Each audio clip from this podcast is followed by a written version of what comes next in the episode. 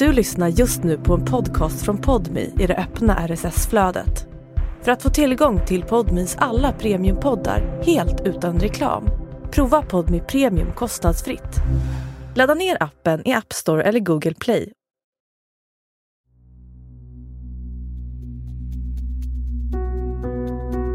Det här är Utanför murarna, där jag, Josefin Freje, träffar människor som suttit i fängelse för grova brott, men som nu är ute i samhället.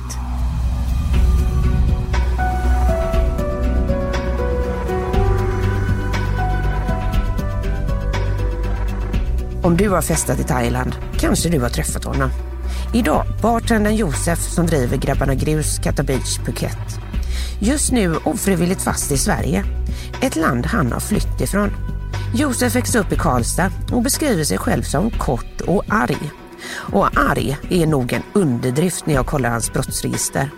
Han var bara 17 år då han misstänktes för mordförsök. Och både innan och efter hans 17-årsdag har hans liv präglats av våld, kriminalitet och stolthet. Satte min gränsbövelen över täcket, låste fast armarna och högg han så många gånger jag kunde. Jag tror att jag minns till och med när man blev lite halvkänd i Karlstad. Jag slog en skruvmejsel i skallen på en, en rackare.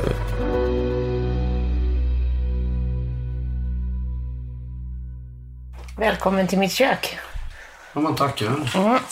Fin duk. Väldigt fin sån plastduk. Eh, jo, jag har ju träffat dig förut. Jajamän. Första gången i eh, Thailand på Grabbarna Grus. Stämmer bra. Ja. Och eh, vad jag kommer ihåg då var ju att du var väldigt skeptisk till mig eftersom att jag var reporter. Ja. Stämmer gott, minnet. Grabbarna Grus, ett känt vattenhål eller ja, sprithål för partyglada svenskar på semester i Phuket. Året var 2016 då jag var där senast. Josef cirkulerade runt och undrade vad är det för jobbig reporter som ställer frågor. Mest sprang han och gömde sig när han såg mig. Men nu sitter han här, i mitt kök. Jag vill veta vem han som muckade för 13 år sedan är idag och hur det var då när han redan i tidig ålder började begå grova brott. Vad var det som hände? Ja. Jag fyllde 17. Jag åkte hem till en tjej. Eh, vad ska man säga? Jag tror vi hade sex. Jag kan något somnat. ja, det är ju några år sedan så man vet faktiskt inte. Nej, men i alla fall då så vaknade jag upp vid att det är någon som matar slag i ansiktet på mig om jag minns rätt. Sliter mig ur sängen. Eh, uppfattar inte riktigt varför. Eh, jag blir anklagad för att slagit en flaska i huvudet på en kille. Någon helg innan eller några dagar innan eller något sånt där liknande. Så att Det låter ju mer som att det var du som var den personen men eh, du inte riktigt erkänner att det var du som var den personen. Eh, Jag fattar att det låter så. Det var exakt det de tänkte också. Ja, jag fattar det. Och, men det var ju inte så. När Josef börjar berätta vad som hände där inne i lägenheten när han var 17 år mörknar hans blick. Jag vill betona att detta är Josefs berättelse. Mycket av det han säger finns det inga oberoende vittnen till. Men en sak är tydlig. Händelsen har satt djupa spår. Men eh, de förnedrade mig, slog mig och gjorde väl allt möjligt med mig helt enkelt. Kan du berätta lite vad, vad som hände? Ja, för mig är förnedring, de bitchsläppade mig, de slog mig, de kallade mig knarkare, de kallade mig ditten och datten. Tar inte ens droger, de hittar på massa saker. Förnedrar mig, jag försökte, ja, försökte ta mig undan, slingra mig undan. Jag är två mil hemifrån. Hur många var det mot dig då? Eh, Tre stycken var de. Fick du typ krypa och sån skit? Nej, det fick jag inte. Eh, Det var mer eh, verbal förnedring om man säger så. Mot mig och mina dåvarande vänner. Och eh, det gjorde ju ont såklart. Och man visste innerst inne att man bara ville hämnas. De tre attackerande killarna tog enligt Josef över lägenheten och lät honom inte gå därifrån. Den fysiska och verbala förnedringen ska ha pågått under timmar. Till slut lägger sig den då 17-åriga Josef utmattad i sängen. De sliter ut med sängen igen och så är det en jävla svartskalle ungefär.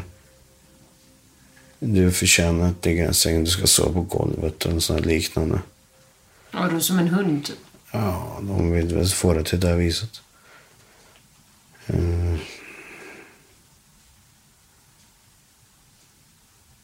Han lägger sig på en madrass på golvet längre bort. Tar över, har väl tagit över lägenheten då. Vem, vem gör det här? Är han ledaren typ i... Ja, det... I, ledaren, ledaren.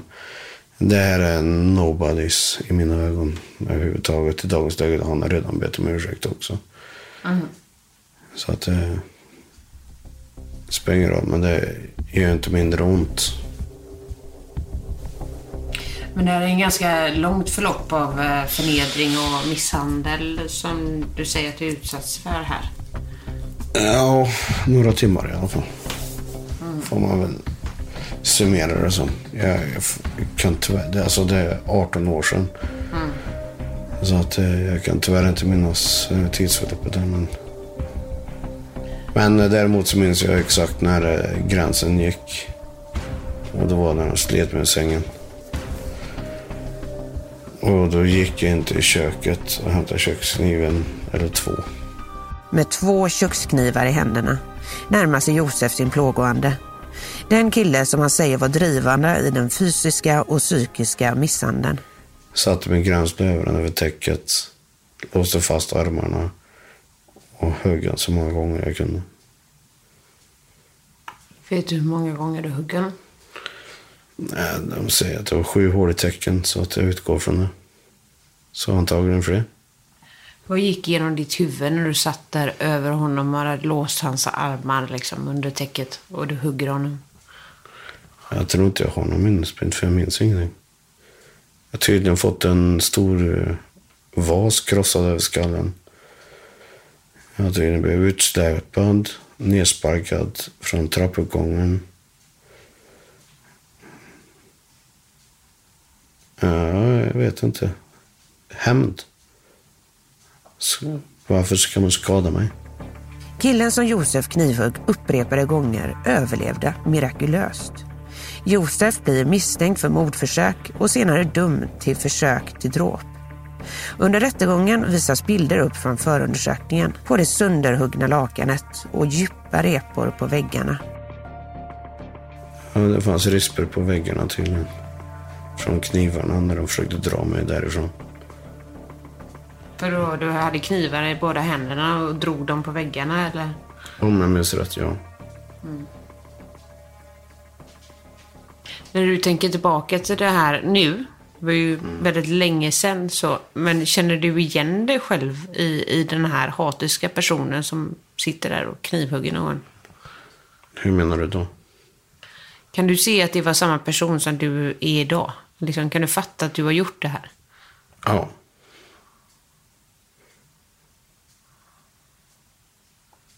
Kan jag. Har du, har du samma hat inom dig idag? Alltså om, om en liknande situation hade hänt dig idag? Hade du fuckat dem på samma sätt? vet inte. Jag har inte samma energi, samma driv, inte samma adrenalin. Det går inte att förutspå. Men däremot så har jag samma principer. Liksom, de är jävligt enkla. Jag vill inte någon, något ont. Vill någon mig något ont så försvarar jag mig själv. Till hundra procent. Det här då som en vanlig svensson skulle säga är att eh, samhället ska försvara en. Du vet, så att man ringer eh, polisen. Eh, du vet, rättvisan ska ha sin gång. Ja. Jag är ingen... jag är väl ingen vanlig svensson om jag får säga så. Men eh, nej, jag har inte så mycket tillit till det. Men ja, Det är inte riktigt vad du litar på. nej, jag hade nog aldrig ringt om en ens blev skjuten. Är det så? jag tror det. Idag har Josef varit utanför murarna i 13 år. Men ändå är misstron till samhället och rättsstaten djupt rotad. Brottet med knivhuggen som 17-åring var långt ifrån första gången han tog till våld som barn och tonåring. Vilket resulterade i placeringar på institutioner och familjehem. Jag tyckte det var coolt att jag hade huggit någon med kniv. Enligt Josef finns det särskilt en vuxen som fick hans förtroende för myndighetssverige att försvinna. Josef hävdar att en polis misskötte sig under hans första permission. Han satt och drog rövarhistorier och skröt när jag var på permission. Att jag huggit ihjäl folk och huggit folk i ryggen. Det är min första permission som var, jag tror 48 timmar tror jag. Kan vara 24, jag minns inte det så jävla många år sedan. En vidrig jävla i alla fall. Eftersom jag har LVU, lagen om vården om ungdom. Mm. Så blev jag placerad på ett familjehem eller vad de nu vill kalla det. Och det är mitt första intryck. Vad var rättsstaten liksom? Det var jag tre tjejer, eller fyra kanske var som tjej. på Det där. Och då, jag vet i alla fall en har begått självmord än så länge. Say hello to a new era of mental health care. Cerebral is here to help you achieve your mental wellness goals with professional therapy and medication management support. 100% online. You'll experience the all new Cerebral Way, an innovative approach to mental wellness designed around you. You'll get a personalized treatment plan from a therapist, prescriber, or both in a safe and judgment free space. Your Cerebral therapist or prescriber will outline a customized plan with clear milestones along the way so you can get to feeling your best. With Cerebral, you're not alone in your mental health journey. We're here to empower you to live a fulfilling life. So take that first step towards a brighter future and sign up today at cerebral.com slash podcast and use code ACAST to get 15% off your first month. Offer only valid on monthly plans. Other exclusions may apply. Offer ends July 31st, 2024. See site for details. Hey, I'm Ryan Reynolds. At Mint Mobile, we like to do the opposite of what Big Wireless does. They charge you a lot, we charge you a little. So naturally, when they announced they'd be raising their prices due to inflation, we decided to deflate our prices due to not hating you. That's right. We're cutting the price of Mint Unlimited from $30 a month to just $15 a month. Give it a try at mintmobile.com slash switch. $45 upfront for three months plus taxes and fees. Promo rate for new customers for limited time. Unlimited more than 40 gigabytes per month. Slows. Full terms at mintmobile.com. Men det var uh, min permission i alla fall. Vad har du förtroende för, eh, vad ska man säga, vuxenvärlden? Vuxenvärlden, ja, jag vet inte vad det innebär, men förtroende för staten, noll. Eh, Jag har ingen anledning till att ha något förtroende för dem. Överhuvudtaget. Kommer aldrig ha det heller. Varför då? De har eh, ja, gjort allt för att jag inte ska lyckas. Var det inte du som fuckade upp det då? Jo. Ja, men när man är i väldigt ung ålder så kanske man behöver en liten spark i röven och hjälp på vägen. Inte tvärtom.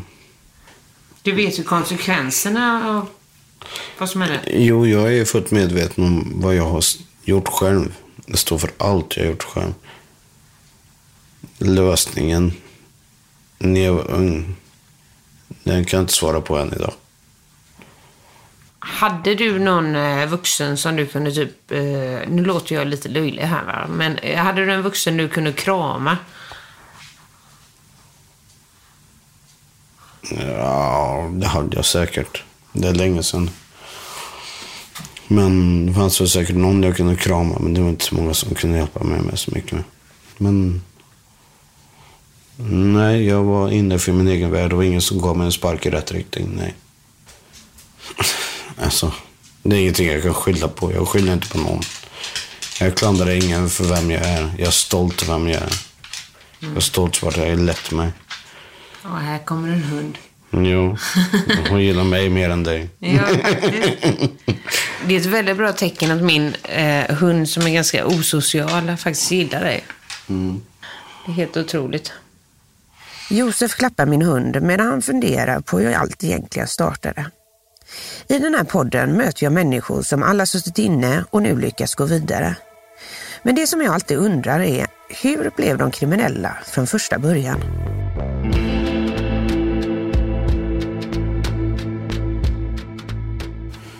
Jag tog eh, vuxenlivet i ganska tidig ålder. Och sen så var alla mina val jag har gjort har jag gjort på eget bevåg. Alltså ditt första minne av våld, men hur gammal var det första gången du minns våld? Fyra år. Fyra år. Mm. Och du har ett starkt minne av våld? Jag slog ner den och kissade på honom. Du slog ner honom och kissade på honom? Ja, men det var ju vi var fyra år gammal. Och han har inte glömt? Nej, Jag slog upp i käften så pissade jag på honom. Så, skratt, så hade jag tydligen skrattat och sprungit därifrån. Haha. jag vet inte. Exakt, alltså det, var, det är 30 år sedan liksom. Det är länge sedan. Men eh, tror du att det är ett eh, eh, normalt beteende att en fyraåring typ pissar och slår på någon? Nej, det är klart inte ett normalt beteende. Josef föddes år 1986 och växte sedan upp i Vänerns övre strand i Karlstad, Värmland. Mamma från Sverige och pappa från Algeriet. Josef Salah Ben Harawa. Harawa. Ja, jag har mer vokaler än konstanter, kan jag säga det i hela mitt namn. Jag är Karlstadbo, jag vet du. Karlstadpöjk. Hårda tag där, vet du. Om man ska dra på lite bred värmländska där då. Oj, oj, fattar jag ingenting. Törligt.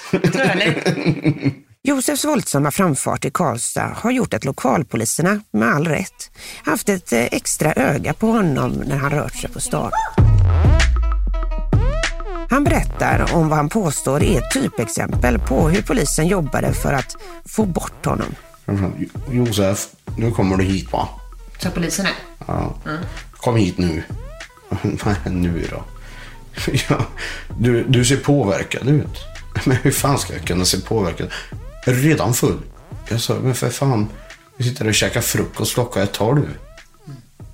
Eller något liknande, jag kommer inte ihåg ordagrant. Följ med mig nu, ska vi kolla. här. För penna. För penna. För pennan. Och så bara röra den runt. Ö, ö, ögonen ska vara i styr, Josef. Nu följer du pennan. Du är påverkad. Nu följer du med här. Och så pennan runt, runt, runt, runt. Ja, den snurrar runt som rena rama karusellen här. du. Så fick jag sätta mig i piketbussen. Inte på soffan, för det är för, dricksförbudet där. Det är på golvet. Jag sa, vad fan håller ni på med? Ja, du kanske har något att berätta för oss. Vad fan har jag att berätta för er? Mm, ingenting. Jävla riksmongo. Ja. Nej, då, men det, då är lite, bara- lite sådana saker. Det är samma sak, jag blev gripen. eh, Ja, de här vapenbrotten Mm. med knogjärnen till exempel. Då, som du säkert har eh, någonstans. Yes. Ja, då var jag nykter tre och fyra gånger. Jag fick inte vara på Hamnfestivalen i Karlstad. Där ville de inte ha korta, arga Josef. Nej. Nej. Nej. Då, då var det liksom så när, när, polisen, lokalpolisen såg dig att då var det, ja, du ska bort liksom. Ja. Ja. Men vad var du känd för där när, när du var, var ung i, i Värmland? Vad hade du för rykte? Våldsam. Noll spärrar. Vilket stämmer också då. Stämmer inte idag, men då var det ju noll konsekvenstänk. Brydde mig inte om någonting. Var det ett rykte som du var stolt över? Just då, ja. Måste jag faktiskt säga. Var det lite sådär att då var i alla fall folk rädda för dig? Jag visste vem jag var. Hur tänker du om det idag? Pinsamt. Faktiskt. Men man visste ju inte bättre. Man lär sig av erfarenhet. Vad, eh, vad var det liksom som du tror gjorde att du ville ha det här ryktet och liksom vara den här våldsamma personen istället för att vara liksom, ah, men nu ska jag skaffa mig en utbildning och ha ett Svenssonjobb och liksom, vad var det som drog dig in till den världen. Jag förstod att den kommentaren skulle komma. Nej, men eh, helt seriöst så... Det, det var väl folk jag såg upp till. Äldre killar eller? Ja, får man ju säga. Back in the days. Back in the days. I en dom från 2008 gällande bland annat misshandel ser jag något intressant. Josef och ytterligare sex killar som är tilltalade har burit kläder som visar sympatier med ett ökänt mc-gäng och deras supporterklubb. Hör inget, ser inget, säger inget. Du låter som en eh, trogen soldat. Nej, jag är ingen soldat. Jag är inte med i någonting. Men däremot så får väl folk svara för sig själva. Men finns det en, eh, liksom... eh, När, när du såg upp till de här äldre killarna, eh, fanns det inte då en sån liksom glorifierad bild av eh, manlighet och coolhet och liksom att de är de rätta och du vet, lite eh, cowboys-stilen liksom. Vad var det du längtade efter i, i de här idealen? Det var en jävligt bra fråga. Eh, det var väl mer att man tyckte om att vara lite häftig. Det var väl att man vill ha uppmärksamhet, ha lite makt, ha lite kontroll. Men eh, man har ju glamoriserat det ganska mycket har man gjort. Och nu när du är lite äldre, 35, och vet lite mer, alltså hur känner du då? Ja, alltså alla gör sina egna val, men jag skulle aldrig gå med i någonting. Inte på grund av att det är ett fel val, utan det är på grund av att jag känner mig själv mycket mer. Var det lite så för att eh, få brudar och sånt? Du vet, man blir lite coolare. Ja, inte för att sån då. Jag är ju dokusåpa Josef. Jag har alltid fått ligga ändå. Nej då, skämt åsido. Men eh, jag gjorde inte så mycket för brudarna, utan jag gjorde det mer för familj. Jag älskar att bygga familjer runt omkring mig. Vad är en familj för dig? Vi gör allt för varandra. Lojalitet. Ja. Har du mycket kontakt med, med de här eh, killarna från förr? Nej. Vi, vi vuxit upp allihopa, skulle jag vilja säga. Vi pratar och träffas när vi ses. Men det är väl inga, in, inget djupare om man säger så. Om du idag hade fått eh, liksom ett erbjudande att bara göra en sista grej för en massa cash, hade det varit lockande då? Nej. Inte? Varför tror jag det inte? Det får du svara på. Nej, men alltså en sista grej. För det har aldrig varit min kick. Det är väl det enda jag kan säga. Vad har varit en kick då? Jag älskar familj. Jag älskar brödraskap. Pengar har aldrig lockat mig. Vad är det som är så viktigt med den här liksom manliga gemenskaps familj, brödraskap? Jag har sagt att det behöver vara manligt. Jag älskar familjekänslan. Jag bygger mina egna familjer. Hur var din egen familj, alltså din biologiska? Jo, vi pratar ju mer än jag pratar med de andra i alla fall. Men eh, eh, ja, det är väl upp och ner. Det är väl svårt att svara på nu. Jag bor ju bott utomlands. Så. Men du har alltid kanske saknat det att ha, ha liksom en eh, familj, alltså även om det inte är blodsband? Ja, men jag har min familj från Thailand istället. Så man bygger väl lite olika. Jag har en förmåga att bygga familjer runt omkring mig. Så att just nu så den familjen jag saknar mest är er väl den de människor jag umgås med i Thailand oftast. Head over to Hulu this March, where our new shows and movies will keep you streaming all month long. Catch the acclaimed movie All of Us Strangers, starring Paul Mescal and Andrew Scott. Stream the new Hulu original limited series We Were the Lucky Ones with Joey King and Logan Lerman. And don't forget about Grey's Anatomy. Every Grey's episode ever is now streaming on Hulu. So, what are you waiting for? Go stream something new on Hulu. Say hello to a new era of mental health care. Cerebral is here to help you achieve your mental wellness goals with professional therapy and medication management support. 100% online. You'll experience the all new Cerebral Way, an innovative approach to mental wellness designed around you. You'll get a personalized treatment plan from a therapist, prescriber, or both in a safe and judgment free space. Your cerebral therapist or prescriber will outline a customized plan with clear milestones along the way so you can get to feeling your best. With Cerebral, you're not alone in your mental health journey.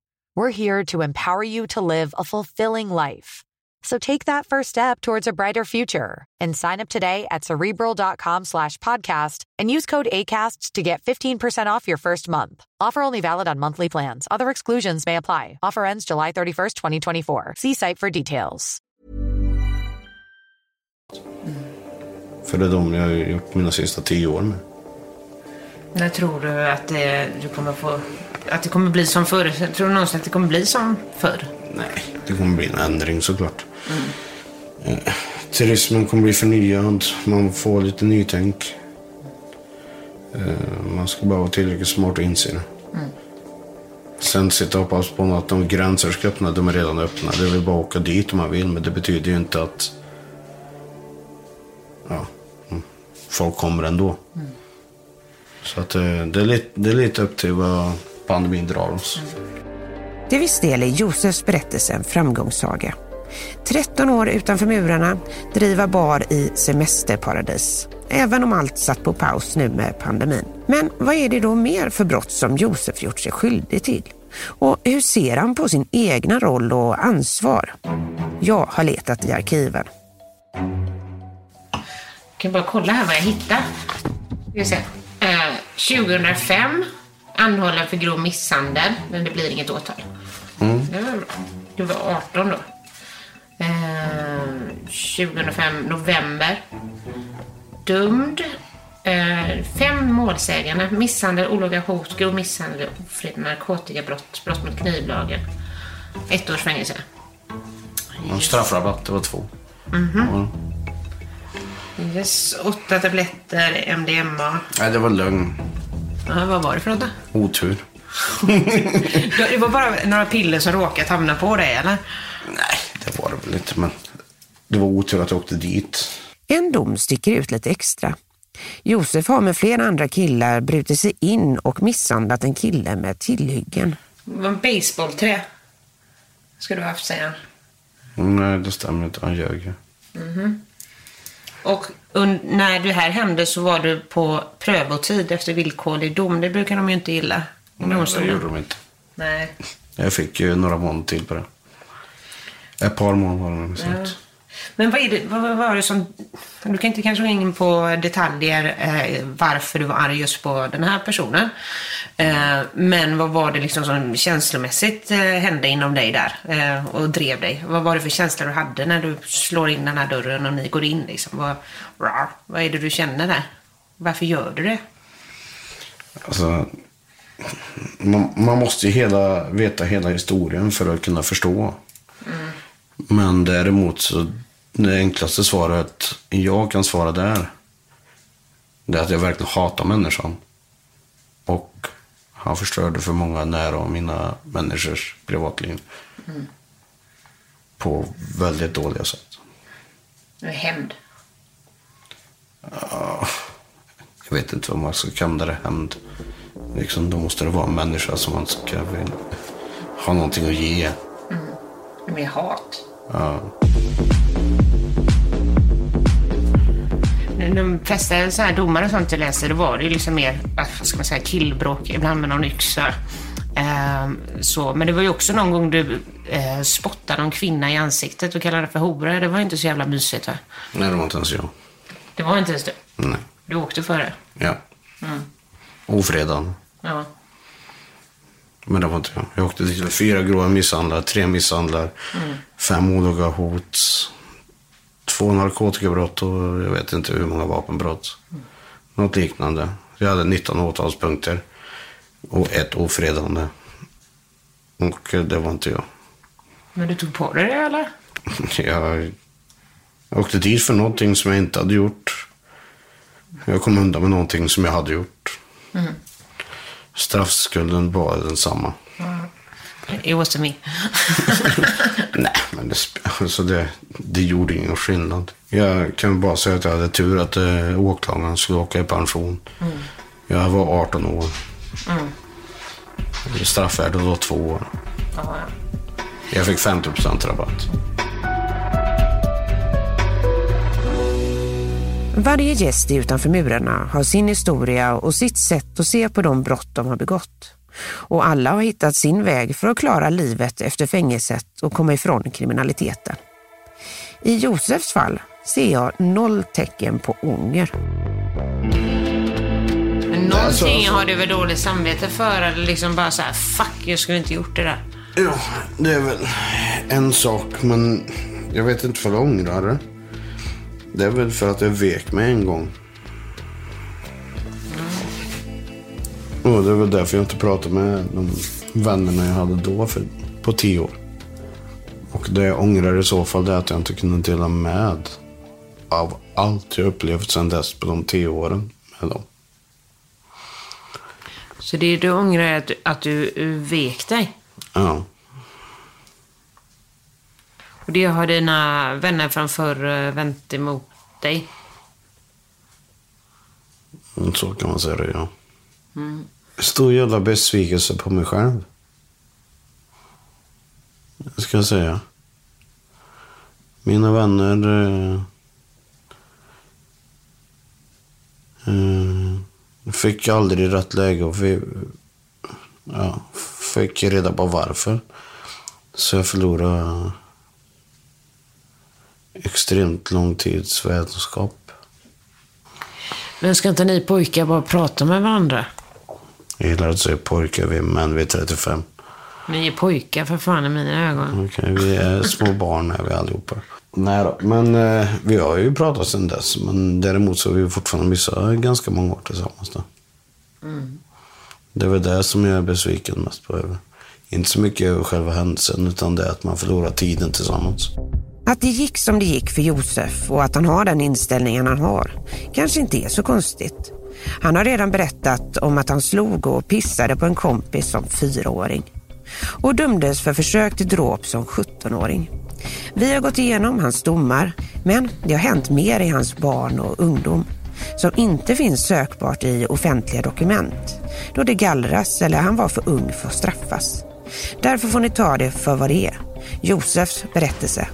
Jag tror det började någon gång 13-14 kanske på riktigt. Jag tror att jag minns till och med när man blev lite halvkänd i Karlstad. Som liten ungdom då. Jag slog en skruvmejsel i skallen på en, rackare på en skola då. En jämnårig då, eller? Ja. Jag trodde han var äldre men det var han inte. Och sen så har det väl bara växt efter det. Då. Vad var det som hade hänt där så att han skulle få en skruvmejsel i huvudet? Det låter inte så bra.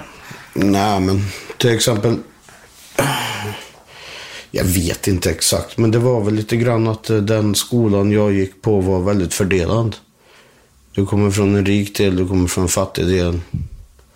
Vi från en som hade mindre bra ställt blev utfrysta i alltihopa då. Så vi var aldrig välkomna på några fester eller något sånt där och vice versa. Och sen så kommer jag inte ihåg, det är många år sedan. Det är över 20 år sedan. Så att, ja, det ena ledde till det andra. Och Kände någon- du en avundsjuka liksom? Eller? Nej, det blev en typ av att konfrontation från min sida till en kille som slängde mot väggen.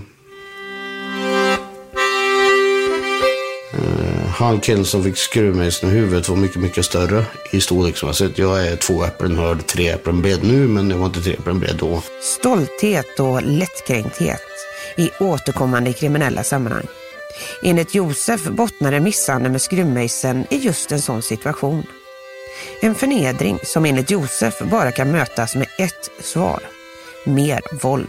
Han tryckte upp mig mot väggen sen och slängde mig i backen och tryckte ner knäna rätt i bröstkorgen på mig. Tills jag spydde ner mig själv. Och det tyckte jag var extremt förnedrande. Så att jag ringde några samtal från min storebror till exempel. Och det slutade väl med att eh, jag stod slog han i skallen med en skruvmejsel. Men eftersom inte jag var straffmyndig så ledde det ingen vart då. För man måste vara 15 och vara straffmyndig tror jag. Vad sände det för signaler till dig? Liksom att det inte blev någon eh, konsekvens? Eh, det här är okej. Jag fick bara uppmuntran. Fick att, på många olika sätt. På vilka sätt då? Jag vet inte riktigt. Men det kändes bra. Det kändes bra. Som 13-14-åring kom han, som man ser det, undan med det. Men nästan direkt när han blev straffmyndig som 15-åring var det dags igen. Något som har fått konsekvenser för resten av hans liv. Jag har eh, aldrig kunnat stå på någonting sedan jag var 15 år gammal. Alltså? Och då inte på någon telefon eller lägenhet eller någonting? Inget. Jag kunde inte ens ta sms-lån när det där kom i bruk. Oj. Så att, eh, nej. Det är därför jag har svårare också. Jag kan inte tacka ja till vissa jobb för att jag inte kan bo i, ja, någonstans bo i området och så vidare. Men är det på grund av gamla skulder eller är det på grund av eh, ditt liksom, kriminella förflutna? Skulder är det. Såklart. Kom skulderna så tidigt? Min första rättegång som, vi, som jag hade var jag när jag var 15. Oj då. Vad var det om då? Misshandel. Det. Sen har det väl bara byggts på. Jag har aldrig blivit skuldsanerad. Och de har ju rätten att kräva den. Eller hade kanske. Jag vet inte hur det där funkar. Det är därför jag har ett norskt personnummer istället. Men var det den här misshandeln då som var första du åkte för? Då blir det skadestånd där då, eller? Ja, det är målsägande som ska ha pengar. Här. Och sen vet jag inte exakt vad som är. Alltså det är 20 år sedan. Men det ligger väl säkert flyter någonstans. Jag har ju inte betalat någonting. Men eh, självklart, de kräver in pengar. Men jag klandrar inte dem. Men jag tycker systemet ska vara lite bättre. När det kommer till just sådana här, liksom, okej, jag åkte hit som 15-åring, 16-åring, 17-åring, 18-åring, 19-åring eller vad det nu än kan vara. Jag är 35. Jag, jag kan inte ens flytta tillbaka till Sverige. Är det, det som man får inte en chans till när man har det bagaget liksom? Nej. In, inte som mig i alla fall. Men andra kan få det. Men det är ju som sagt, jag tror det är relativt. Jag tycker inte synd om mig själv eller en så här äh, dumma ja, tankar liksom. Sätter på mig någon jävla offerkofta liksom. Jag vet vad jag har gjort, jag står för vad jag har gjort. Finns det något eh, liksom, i ditt förflutna som du ångrar mer än något annat? Nej, Ingen. nej inte vad jag kan komma på. För att jag har gjort olika val av olika anledningar. Jag kan inte sitta och jämföra situationer liksom. Hur tänker du runt det att du blev liksom, vad ska man säga, fucked for life redan som 15-åring med den här skulden? Ja, jag var väl ganska smart tidigt så att jag gav ju hopp. hoppet, hoppet på Sverige om man får säga så. Därför jag flyttade till Norge ganska tidigt och därför eh, jag flyttade till Thailand efteråt också kanske. För eh, om jag inte ens kan få en lägenhet eller ett jobb utan att leva på existensminimum så... Ja, vad fan ska jag göra här?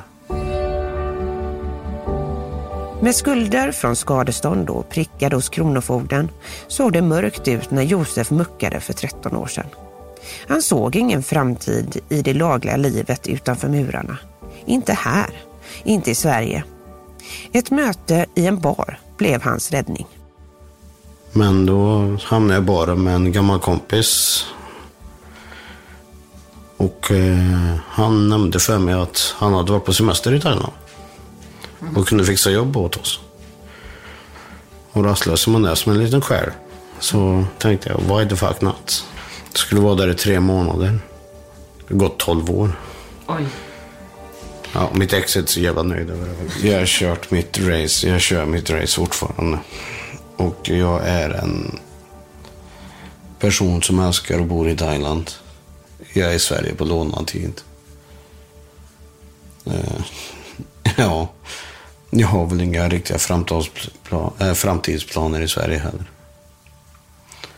Anledningen till det är ganska enkel. Jag har varit här ett år och nio månader nu. När jag inte ens vill vara. Jag ser inget ljus i tunneln. Ja, vad ska jag säga? 12 år i Thailand. Det är ju mer än vad jag har gjort i ett vuxet liv i Sverige. Det är ditt land. Jajamän vackert. Pomchu Joseph. Kadai pasada i dig kap. Kapunka.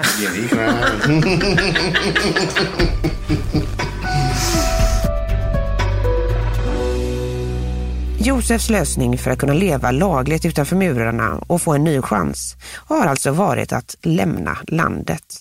Till Thailand och baren Grabbarna Grus. Samtidigt tickar skulder och räntor på här hemma. Jag frågar honom om han helt gett upp tanken på ett lagligt liv i Sverige. Jag har försökt, det går inte. Men har du ens försökt? Alltså så här, gå till skuldsaneringskontoret på kommunen och du vet. Nej, jag har inte gått till ett skuldsaneringskontor, men däremot så har jag försökt leva hederligt. Ja. Mm.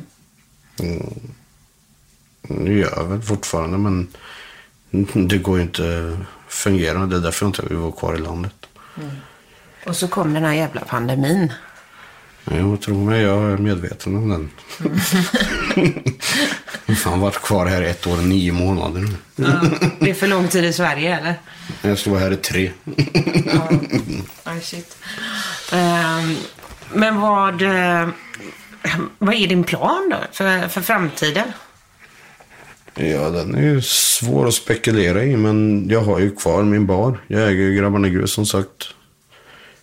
Så att jag vill öppna upp den och sen så får jag hoppas på att det här pandemin någon gång rinner ut i sanden. Den kommer ju inte försvinna, men däremot så restriktionerna får väl någon gång börja ge efter i våran bransch. Så att turismen kan börja komma tillbaka till Thailand.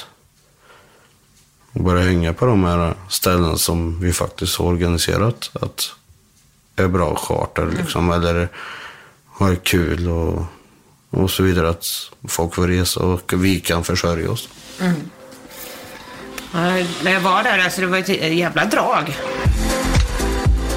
Så vad händer nu med Josef idag? Har han lärt sig något av alla sina konflikter och bråk och brott genom åren? En rekommendation till folk i framtiden. Stolthet. Ja, det är inte värt det ibland. Har du haft eh, för mycket stolthet? ja. ja. Alltså, stoltheten i sig, den, den har gett mig konsekvenser i flera tillfällen. Ja, den har gjort. Men jag, jag säger så här, men det är också med stolthet som lett mig till dit jag är idag.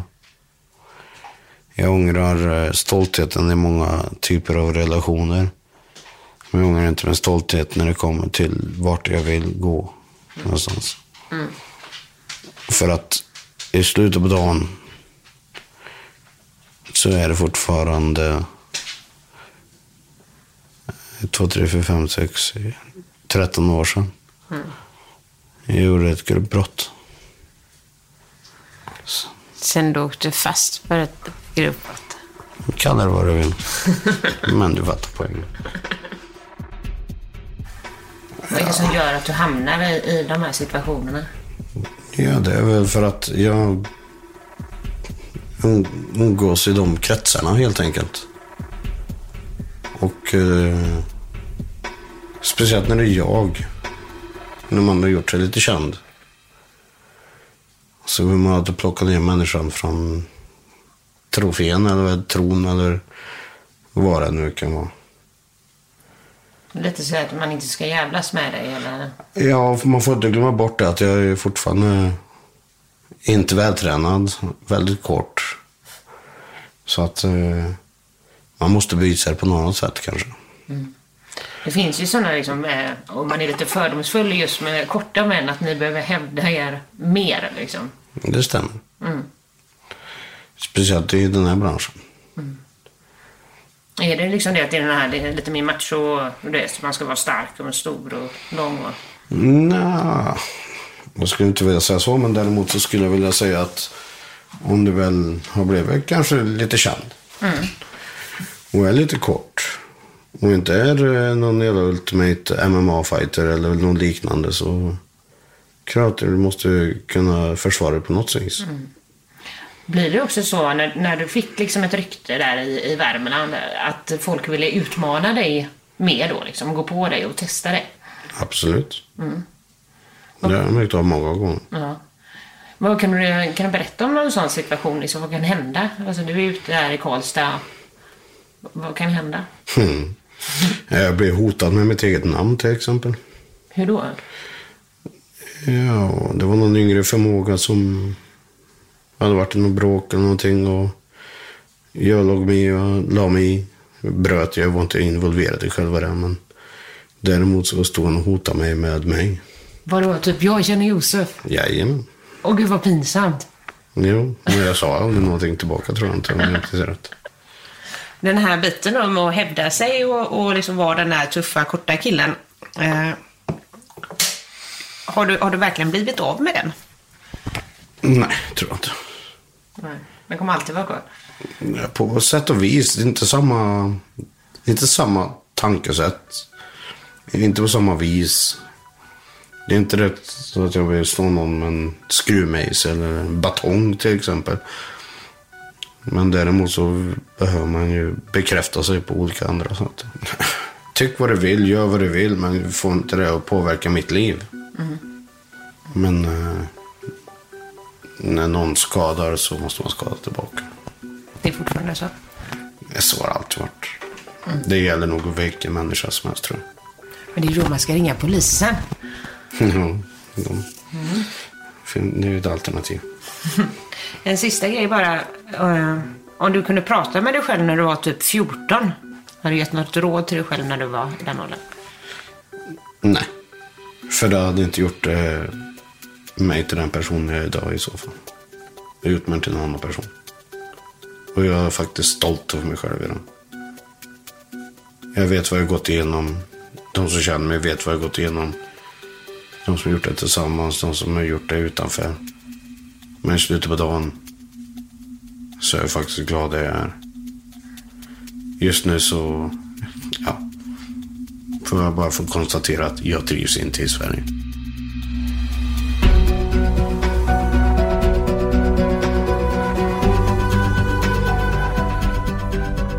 Tack för att du har lyssnat på Utanför murarna. Jag heter Josefin Freje och du får jättegärna höra av dig med synpunkter och tips på vem jag ska träffa härnäst. Mailen är utanförmurarna.gmail.com Du har lyssnat på Utanför murarna, en exklusiv poddmi-produktion från tredje statsmakten. Reporter var Josefin Freje.